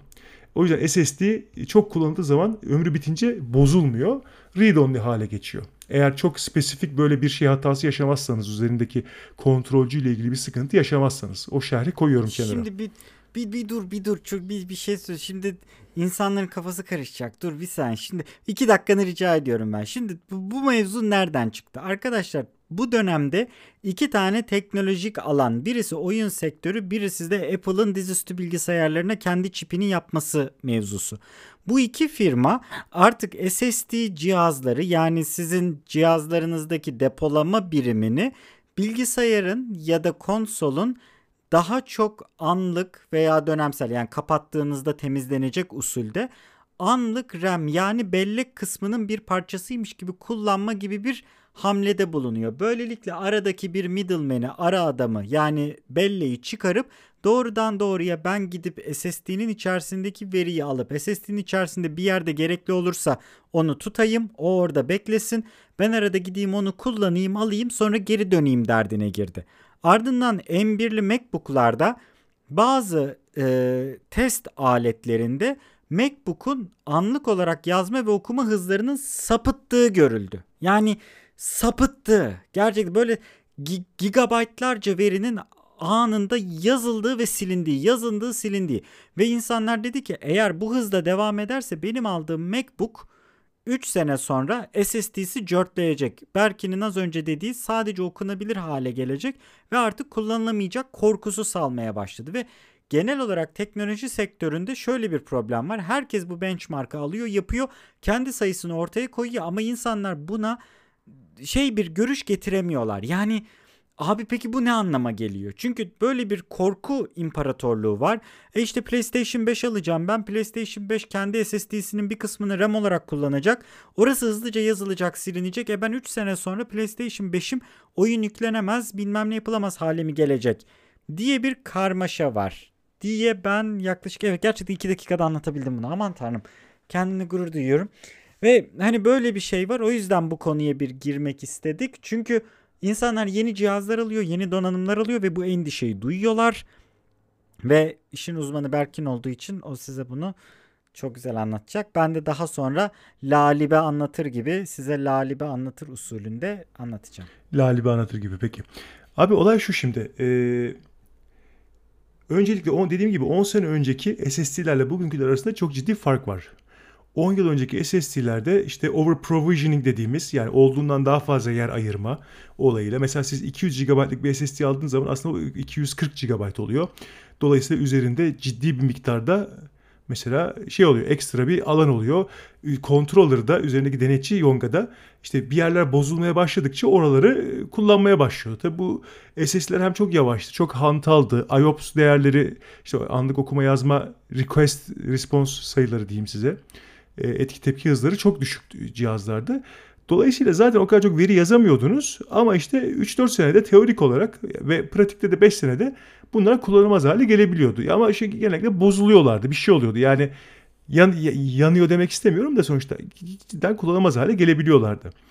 Puff. Normal eğer e, eskiyerek ömürlerini doldursalar dediğim gibi yalnızca okunabilir hale gelecekler. Read only hale dönmeleri lazım teorik olarak. Burada tabii ki eğer abi çok sofistike bir üzerinde denetçi yonga varsa buna engel olabilir. Burada başka şeyler patlayabilir. Mesela abi şu an e, örnek vereyim abi. Benim şey zamanda satın aldığım hala kullandığım ve e, resmi ömrünün de daha dörtte birini bile görmediğim ki deli gibi okuma yazma yapan full disk encryption'da kullanan bir insanım. Bir tane 970 Evo 1 TB'lık SSD'yi almıştım NVMe'yi sistemim için. 2 sene önce yaptığım sistemim için. 2 e, sene önce tam Ocak'ta yapmıştım hatta sistemi. O vakitten beri ana diskim odur. Abi çok yazdım sildim. Onu yaptım bunu yaptım abi. En son neydi abi? Üzeri şeydi.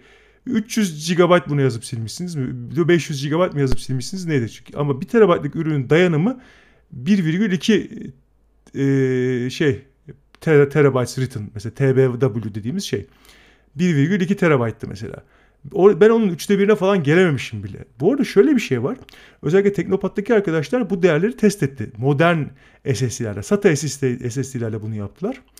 Ee, Samsung ürünleriyle yaptılar. Çok emin değilim. Abi TBW değerlerini böyle 2'ye 3'e falan katladılar. Hala okumaya yazmaya hatasız şekilde devam ediyordu. Teorik olarak okuma yazma ömrünü doldurmuş bile olmaları gerekirken hala sorunsuz şekilde çalışıyorlardı. Bunlar modern ürünler.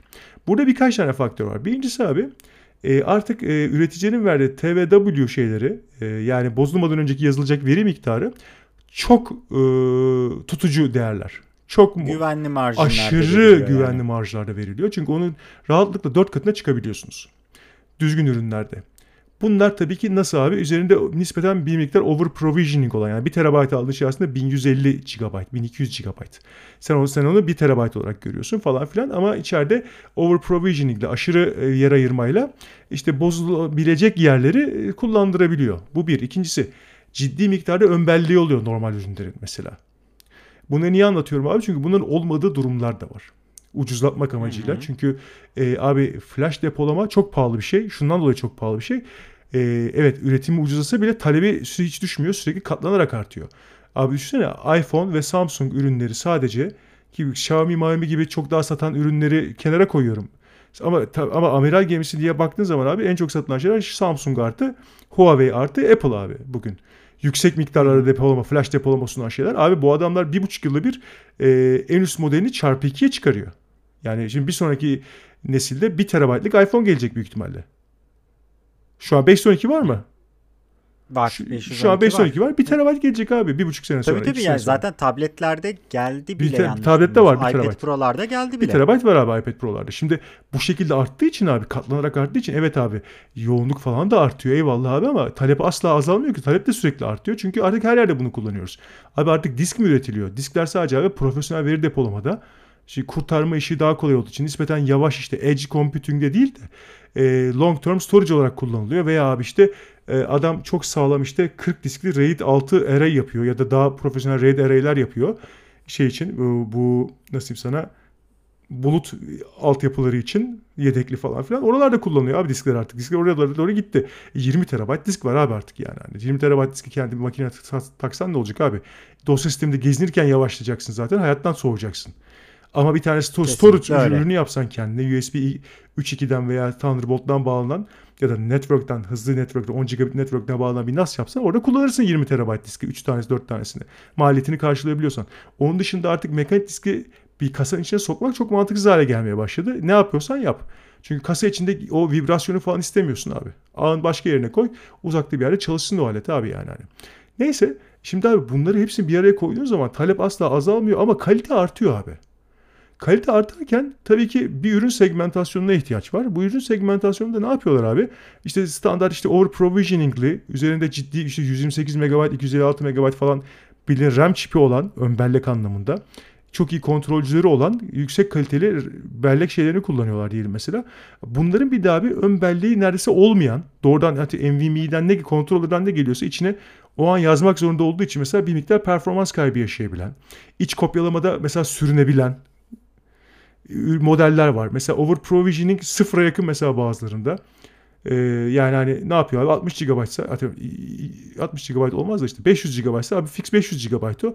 Ama adam Hı-hı. kullandığı ürün sebebiyle işte, işte diyor ki ya bu 500 GB da işte abi işte 1 TB written benim bizim işimizi götürür diyor. Ee, sen 2-3 TB'a çıktığın zaman zaten ürün teknik olarak 500 GB'dan 1 TB'a upgrade etmek istiyorsun zaten cihazını. E yeni yeni ürüne geçtiğin için eskisinde ya satıyorsun ya bir şey yapıyorsun. Atıyorsun kenara koyuyorsun. Kullanacak yerin yok. Çünkü NVMe slot sayısı zaten sınırlı abi şeylerde biliyorsun. Dolayısıyla abi ömrünü zaten çoktan tamamlamış oluyor sen onu değiştirene kadar. Ucuz ürünlerde bile. Ucuz ürünlerin sıkıntısı abi performansları düşük oluyor. Anlık okuma yazma hızlarında. Çünkü abi ön bellek çipleri falan olmayabiliyor veya çok küçük olabiliyor. Ama üst seviyede pahalı ürünlerin abi sebebi şey abi. Pahalıysa vardır bir sebebi abi hakikaten. Ucuzsa vardır illeti hesabı yani hani. E, ucuzların dediğim gibi ön bellekleri ve over provisioningleri kötü oluyor genellikle veya olmuyor.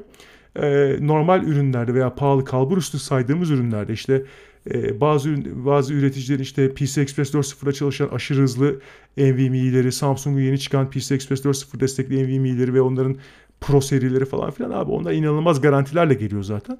Onları da zaten karşılayacak teknolojiye ve şeye dayanıma zaten sahipler. Dediğim gibi 3-4 katını zaten yazabiliyorsunuz. Şimdi MacBook olaylarına geleyim. Abi Apple dandik ürün kullanmaz ürününde. Apple dandik e, çip kullanmaz çünkü bir de onu üzerine çakıyor herife. Mesela bir sıkıntı çıkarsa maliyeti de Apple'a girecek abi. Kasadan anakart değiştirmek zorunda kalacak. Zaten anakart bir tane anakartı var aletin. Hani ne yapacak abi? Senin verini kaybedecek. Müşteri olarak sen zor duruma düşeceksin falan filan. Apple bu işlere gelmez. O yüzden abi doğrudan e, en düzgün ürünlerden bir tanesini kullanıyor tahmin ediyorum. Bir de bilmem kaç kanal özel okuma yazma sistemleri geliştiriyorlar. Ha tabii şey var yani Apple orada tabii ki güvenliğe kendi ekosistemindeki kapalı kilitli güvenliğe çok güveniyor ve onu güvenilir hale getirmek için de çeşitli önlemler alıyor. Dolayısıyla bir Apple cihazdan veri kurtarmak o kadar kolay olmayabilir. Ama diğer taraftan abi sonuçta oradaki yıpranım payları ve over provisioning ile gayet mantıklı ürünler ortaya çıkıyor. Yani MacBook'unuz yeni aldığınız işte M1'ler falan filan işlemcili şeylerde o kadar okuma yazmaya rağmen sandığınız kadar hızlı eskimeyecek. Zaten teknolojik olarak eskiyecek. Çünkü yeni çıkan şu anki M1 özelinde konuşuyorum şu an. Çok çok ürün spesifik olacak bu. O kadar aslında zayıf ki bu teknolojinin başladığı nokta olarak. Bir sonraki nesilde zaten ulan önceki nesil niye aldım diye kafanızı duvarlara vuracaksınız. O açık açık söyleyeyim. Çünkü görünen o. Yani çünkü M1 şu an için buna katılıyorum. Taşınabilirlik yani. için çok iyi. Abi performans olarak hala yani x86'dan tokat yiyor. Evet taşınabilirlik çok iyi ama geri kalan da tokat yiyecek. Üzel asiklere rağmen çünkü Apple orada daha fazlasını yapılabileceğini biliyor. Denemek için o ilk partiyi çıkardı öyle adaptörler alsın diye yaptı onu herkes alsın diye yapmadı. Senin benim gibi adamlar alsın diye yaptı abi yani parası olsa olan bizim paramız parası olan versiyonlarımız alsın diye düzeltiyorum. ee, fakirli fakir versiyonlarımızı şimdiki versiyonlarımızı biraz daha kenarda 3-5 parası olanların al- al- alabileceği şekilde yaptı. Biz deneyelim. Biz feedback veren insanlarız. Biz işte bunları yazan, çizen insanlarız. Hani bizi alalım diye yaptı adamlar. Dolayısıyla bunlar son kullanıcı değil. Kimse de önermedim ben. Abi sizin için değil almayın. Bir sonraki nesli bekleyin. Çünkü hem storage çok artacak, hem performans artacak, çekirdek sayısı artacak, azikler yenilenecek, onlar gelecek, o encoderlar, decoderlar bir şeyler gelecek içine. İş daha da yürüyecek. Bir de daha olgun değil abi. Bilmem ne çok popüler uygulama çalışmıyorum ben diyor M1'de. E çalışmaz tabii abi yani. Riskten riske, riskten riske geçmeye çalışıyorsun. İşkenceye dönebiliyor eğer özel hala bir çalışması yoksa. Falan filan. Dolayısıyla abi şimdi o ürün özelinde böyle bir durum da var. Onlar eskimeyecek. Abi konsol tarafında iş biraz karmaşık şimdi. Ona açıklık getirmem lazım. Abi konsol hı hı. tarafındaki kontrolörlerin içinde ne var bizden gizleniyor.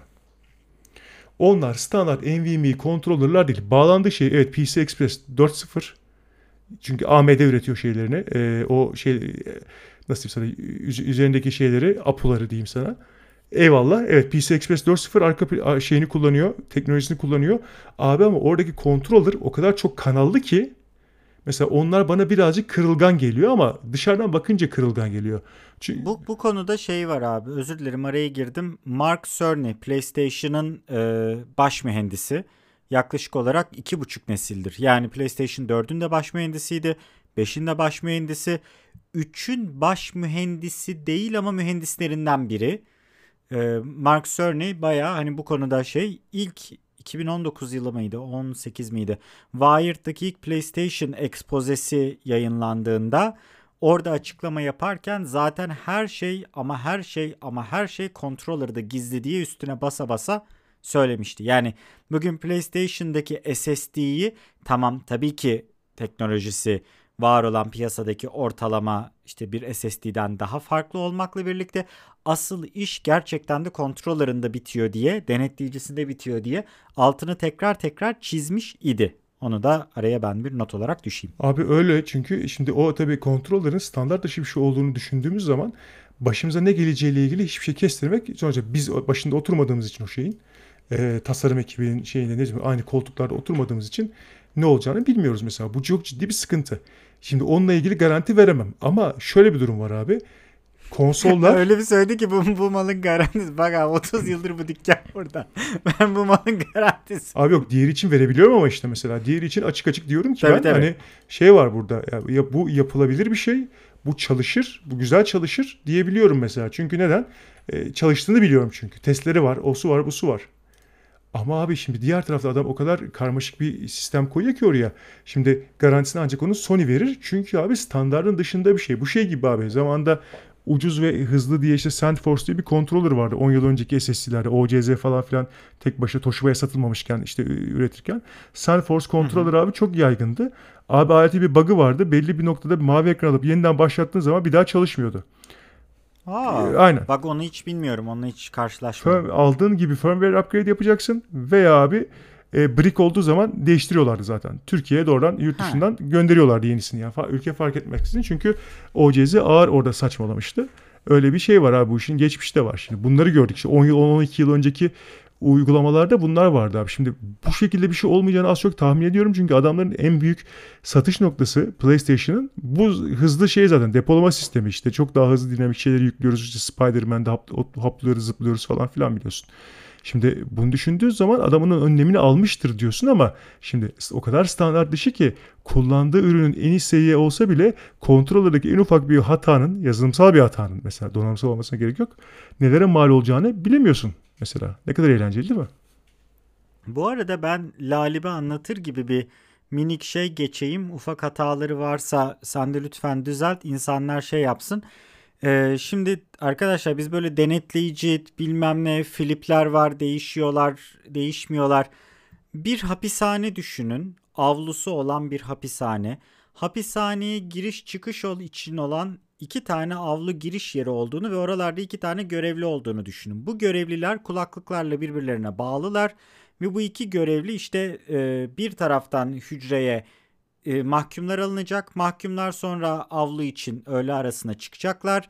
Daha sonra yemek için öbür taraftan geçecekler falan. Bu iki kişi kulaklarında kulaklıklarla birbirleriyle haberleşerek bu e, mahkumların gelişlerini ve gidişlerini sağlıyorlar. Her hücre gerçekten adı hücre bu arada sel yani. Her hücre içerisinde iki tane mahkum barındırıyor ve bu hücreler otomatik olarak kapıları uzaktan açılıp kapanarak çalışıyor. Bir SSD dolup boşalan bir e, hapishane gibi Kapılar açılıyor merkezden. Kapılar açıldığında iki tane mahkum dışarıya çıkıyor. Ardından işleri bittikten sonra başka iki mahkum geliyor hücreye giriyor. Hücrenin kapısı kapatılıyor ve chilling diye elektronik kilit merkezden açılıp kapanıyor. Bu fliplerin değişip değişmemesi mevzusunda işte bu içeriye gelen her mahkum yeni bir veri. Bir mahkum geliyor bir mahkum çıkıyor. İki tane denetleyici bu mahkumların avludaki geliş gidişlerinin seriliğini, hızını ve kimin nereye oturacağını, kimin nereye, hangi hücreye girip çıkacağını kontrol ediyor. Ve bu kapıların açılıp kapanmalarının da belirli bir ömrü var. Bir gün gelecek içerideki mahkum kaldığında kapı açılmayacak. Filip dönmeyecek ve o mahkum içeride kalacak. Tabi mahkum değil aslında bunlar elektron. İşte diğerleri gardiyan değil aslında oraya giriş çıkış veri yollarını kontrol eden yazılımsal donanımsal parçalar falan filan ama benim Lalibe anlatır gibi anlatmadaki ilk şeyim bu oluyor. Yani bir avlu var. Avruda 64 tane hücre var. 64 hücrenin her birisi 2 tane aldığı için 128 tane e, mahkum geliyor gidiyor. Her mahkum gerekli oldu mu başka hücreye alınıyor. İki tane denetleyici gardiyan da bu mahkumlar hangi hücreye gelecek? Hangisi kapıya daha yakın olmalı? Aa bu iki mahkumun çıkışı ertesi gün olacak. Ertesi gün olacağı için bunları kapıya daha yakın yere alalım. O zaman onların yerine şu iki mahkumu alalım gibi mahkumların hareket etmesi gereken dönemlerde de onlara doğru hareketleri veren girdi çıktılarını sağlayan kimin içeride ne kadar kalacağına dair hani net bir şey olmasa bile acilen çağrıldığında gerekli yere gitmesini sağlayan kişi diye bir anlatımda bulundum. Hatam varsa zaten Berkin bu noktada abi işte böyle böyle ama şurası değişmeli diye söyleyebilir. Hani genel olarak SSD'nin çalışma mantığı bunun gibi bir şey. Mesela hard diski anlatıyor olsaydım hard diski herhalde silindirik 20 e, katlı bir kütüphane ve kütüphaneler arasında hareket eden bir tane asansör ve asansörün içerisindeki bir kütüphaneci olarak anlatırdım diye tahmin ediyorum. Ama SSD'yi böyle anlatmak uygun geldi gibi geldi bana. Ufak bir ek yapayım abi anlatımın çok doğru. Ee, buradaki ek sadece şu olacak. Ee, içeride e, sadece yönetimin bildiği ekstra kullanılmayan hücreler var. Eğer bir hücrenin kapısı Hı. bozulmaya başlıyorsa o mahkumları e, önceden anlayıp o hücrenin kapısı bozulacağını anlayıp hücreyi kullanılmaz diye önünde şerit çekip başka e, diğerlerinin bir gardiyanların bilmediği o anda öğrendiği yeni hücreleri de atıyorlar. Bu da işte over provisioning kontrolü abi. Aynen. Bir de şey var abi avluya gitmeden önce bu iki tane denetleyicinin olduğu yerlerde küçük içerisine 4-5 kişinin sığabildiği minik havuz alanlar var. Oraları da flash bellek olarak. evet onlar da aynen şey RAM aslında bildiğin DDR3 RAM mi ne kullanıyorlar abi şeyde ön bellek olarak. Tabi tabi o ön bellek kısmı olarak da onu söyledik mi zaten gerçekten bir hapishane üzerinden SSD'yi anlatmak gayet depresif bir şey olabiliyor. Aslında arkadaşlar şöyle bir şey var. Bilgisayar parçaları tabii ki çok derin, çok büyük mühendislik harikaları aslında. Yani e, benim böyle söylediğime bakmayın. Berk'in tabii belirli şeyleri açıklayamaz doğal olarak çalıştığı yer e, sebebiyle. O yüzden bu tür şeylerle ilgili bazı absürt şeyleri ben söylüyorum. Berk'in kadar da iyi söyleyemiyorum. E, abi inanılmaz mühendislik harikaları, inanılmaz çözümler ve tabii ki inanılmaz kümülatif bilgi birikimlerinden oluşuyor aslında. Yani bugün bir bilgisayar devresinin içerisinde müthiş bir e, yani gerçekten harika bir harita var orada. Ama bu haritaları bir dereceye kadar basitleştirip anlamak aslında mümkün. Yani korkulduğu kadar karmaşık şeyler değil bunlar ve e, insanlar işte bugün hani keşke Göte'yi anlayacak kadar iyi Almanca bilseydim ya da benim için Dante'yi ilahi komediyi anlayabilecek kadar İtalyanca bilseydim keşke diyebildiğim durumlar gibi bunun dilini bilmek aslında bir anlamda önemli.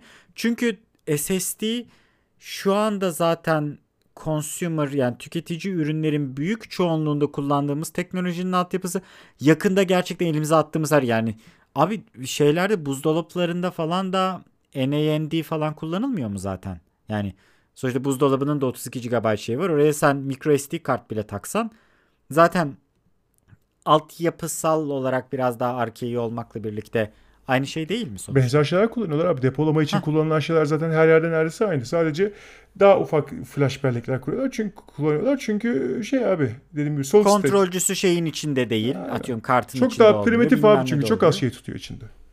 Aynen. Hani o nedenle her şey bunlardan oluştuğu için genel olarak bu tür şeyleri bir dereceye kadar en azından basic anlamda bilmek belki biraz iddialı bir cümle olabilecektir. Ama yine de hani tartışılır bu. Bugün Almanca ya da Fransızca ya da İtalyanca ya da ben merak ettiğim için sadece bir dil öğrendiğimden bir tık daha size hayatta çözüm sunabilir.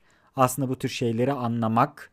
Tabii ki bir dille eşdeğer değil ama en azından bir makinenin anatomisini anlamak bence hani hem makine seçimi hem pazarlama seçimi bilmem nesiyle ilgili çok şey anlatabilir. Çünkü işte bu yine hep e, klasik e, biz e, ge, geniş aramıza girmeden önce Cyberpunk 2077'yi konuşuyorduk. Hani o dönemlerde gerçekten işte PlayStation 4 ve Xbox One nesline çıkan oyunun kötü olmasıyla ilgili mesela benim gibi veya işte Berkin senin gibi bizim gibi insanları şaşırtmadı diye düşünüyorum abi ben o oyunun o konsollarda o kadar kötü performansla çıkıyor olması. Yani teknolojinin ilerleyişi, bazı paketlerin ne hale geldiği, encoder decoder sistemleri, işte her bir döngüde kaç işlem yapabildiğinin getirisi vesairesi üst üste konduğu zaman abi aslında zaten hani olacağı buydu diyebiliyorsunuz. Çünkü pazarlamanın bunu daha önce konuştuk diye hatırlıyorum ben ama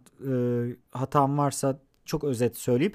Abi yaklaşık olarak 60 yıldır falan bizi koruyan hiçbir sistem yok ya ya pazarlama ile ilgili. Birileri gelip gayet güzel bizi kandırmak için çalışabilir ki Apple bu konuda hep çok büyük örneklerden bir tanesi.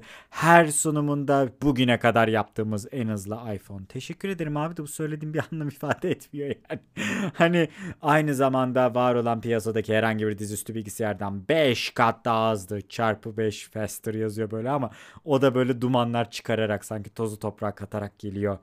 Abi gerçekten yani tamam Keynote'da yapıyorsunuz bütün sunumlarınızı kendi hani internal yazılımınızı kullandığınız için artistik yapıyorsunuz ama ne olur yani artık 2006 yılından kalma toz efektiyle de yapmayın falan filan derken yani hani insan kandırmak, insan keklemek çok kolay ve Avrupa Birliği'nden bir e, komisyon bununla ilgili GDPR gibi bir yasa çıkardığında zaten 10 yıldır sizin e, bütün birikiminizi bellemiş oluyorlar.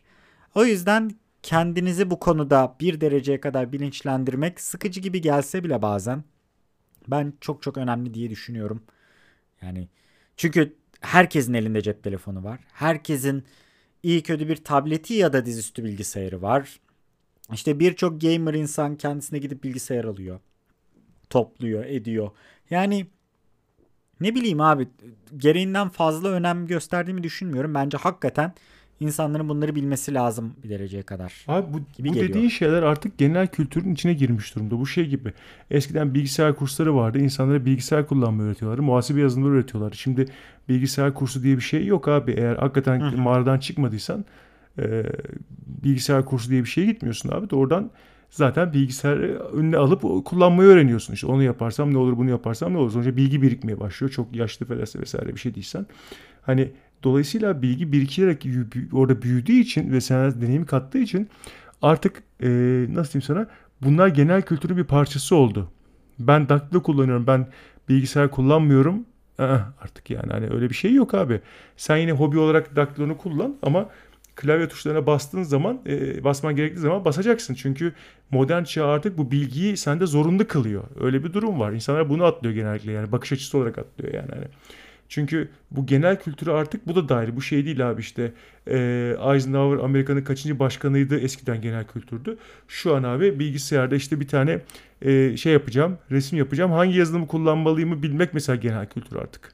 Hani o bunlar bunda dikkat etmek gerekiyor. O yüzden bu genel kültürün parçası olduğu için bu genel kültürde birazcık özelleştiğin zaman o alana artık hakim olmaya başlıyorsun. İşte iyi müşteri yani aslında kötü müşteri iyi e, alışveriş yapan insan haline gelmeye başlıyorsun. Kendini korumaya başlıyorsun falan filan gibi artları var. Ya bu her şey için geçerli. Araba kullanmayı bilmek iyi araba seçmeyi beraberinde getirmez.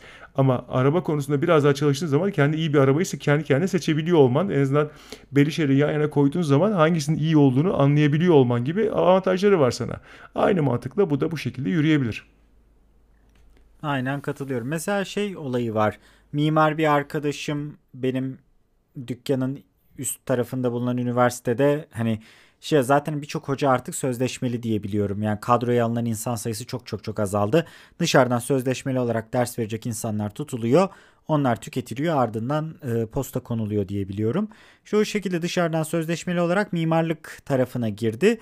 Sağ ol, yani sağ olsun dememe gerek yok bana bir yardım yok ama yani öğrencileri elinden geldiği kadar ekstra bilgi vermeye çalışıyor. Ama mesela medya okur yazarlığı gibi bilgisayar okur, okur yazarlığı diye bir şey olmadığından dolayı çocuk e, Revit kullanacak. E, Autodesk Revit mimarların kullandığı bir Sketch artı bir dereceye kadar kaba modelleme programı ama gerçekten böyle her şeyi e, geçme detayıyla falan modellemiyorsunuz. Zaten çoğu mimarlık departmanı birebir çalışmıyor. Neyse. Ve bir başka mimar arkadaşımın lafı.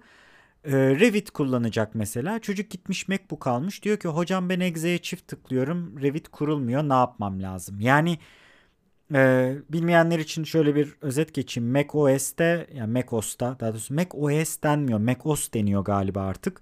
Mac OS'ta e, arkadaşlar DMG var. Yani exe çalışmaz. Exe Win32'de olan bir şey. Yani Win, Win32 executable zaten aslında şeyi uzantı ya uzun hali.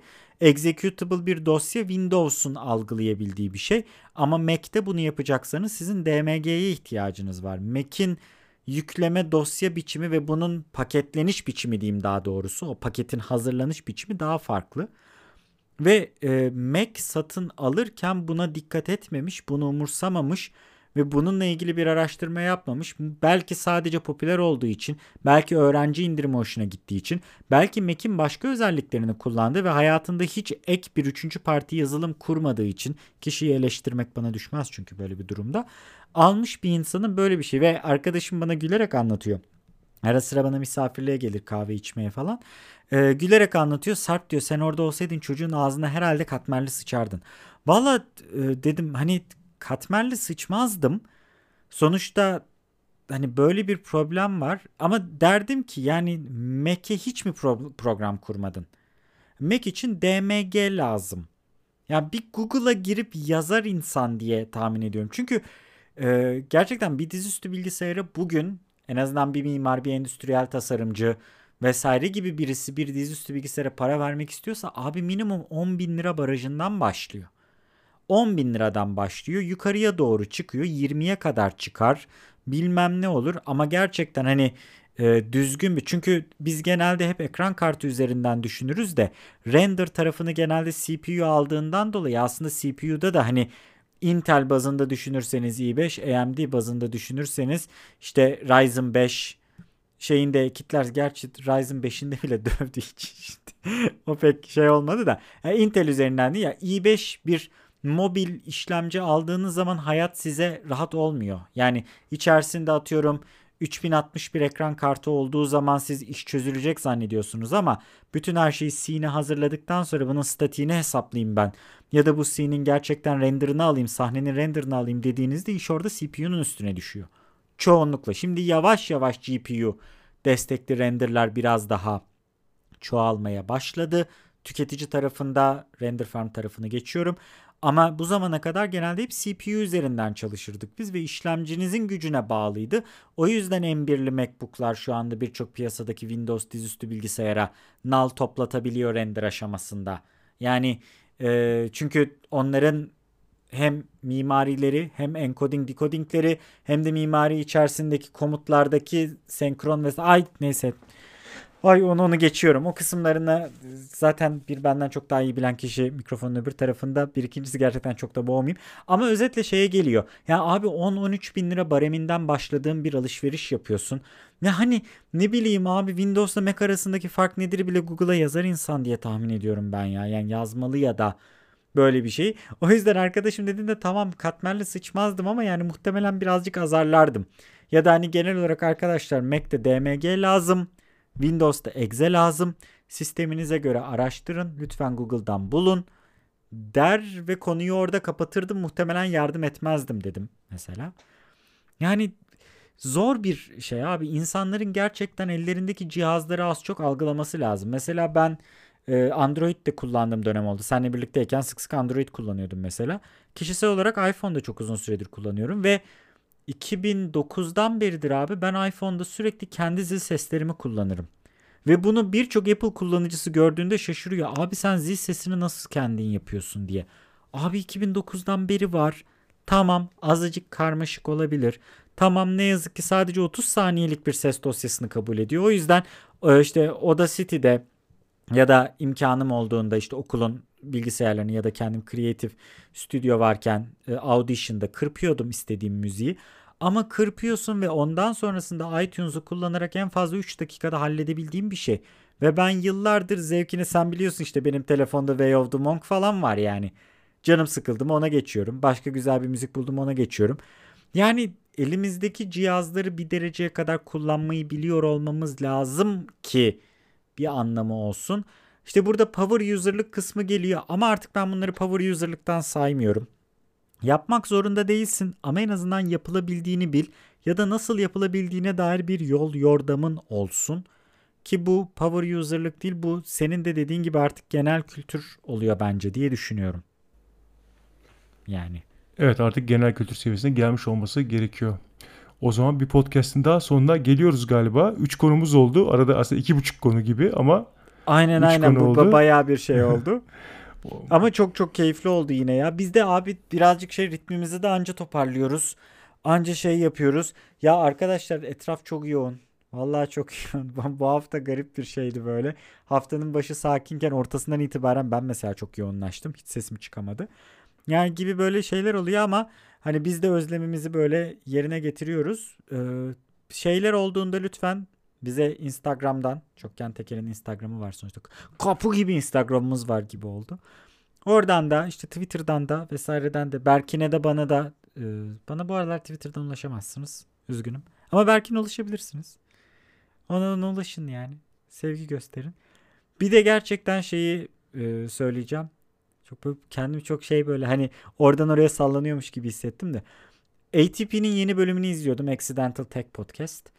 E, ATP'nin yeni bölümünde HomePod'ın yani Apple HomePod büyük olanı artık satılmayacak. Bir kestiler onu. Abo'nun tasarımı ve kullanıcı deneyimiyle ilgili çok ilginç bir tartışma yaptılar. Ben de bu aralar daha önce okumuş olduğum bir kitabı okuyorum. Gündelik objelerin, gündelik nesnelerin tasarımı yeniden basıldı. Tabi benim okuduğum versiyonundan farklı. İç örneklerini falan güncele dönüştürdüler. Bir de çok daha güzel yalın bir dille basmışlar. Abi bir yandan da onu okuyorum. Valla bir ara podcast'te şeyi de konuşmak istiyorum. Gerçekten bir kullanıcı ve bir e, işte arayüz tasarımcısı ya da deneyim tasarımcısı yani UX UI e, designer'ın birbirlerini nasıl ağızlarına yüzlerine vurduğu ile ilgili çok ilginç bir podcast'ti o. Çok güzeldi. Ha, bir HomePod'un üstünde bu tür şeylerin düşünülebileceğini hiç tahmin etmemiştim. Çok ufuk açıcı bir şey diye onu da son olarak eklemek istiyorum. Ondan sonra yavaş yavaş paketleyebiliriz. o, za- Diyorum. o zaman ben devreye giriyorum kapanış için. Evet yoksa ben susmayacağım. Değerli dostlar takip ettiğiniz ve dinlediğiniz için çok teşekkür ederiz. Çokgen Teker'in ikinci sezonun ikinci bölümünün burada sonuna gelmiş bulunuyoruz. Mütakip yayınlarda görüşmek dileğiyle. Şen ve esen kalın. Öpüyoruz sizi. Hoşçakalın.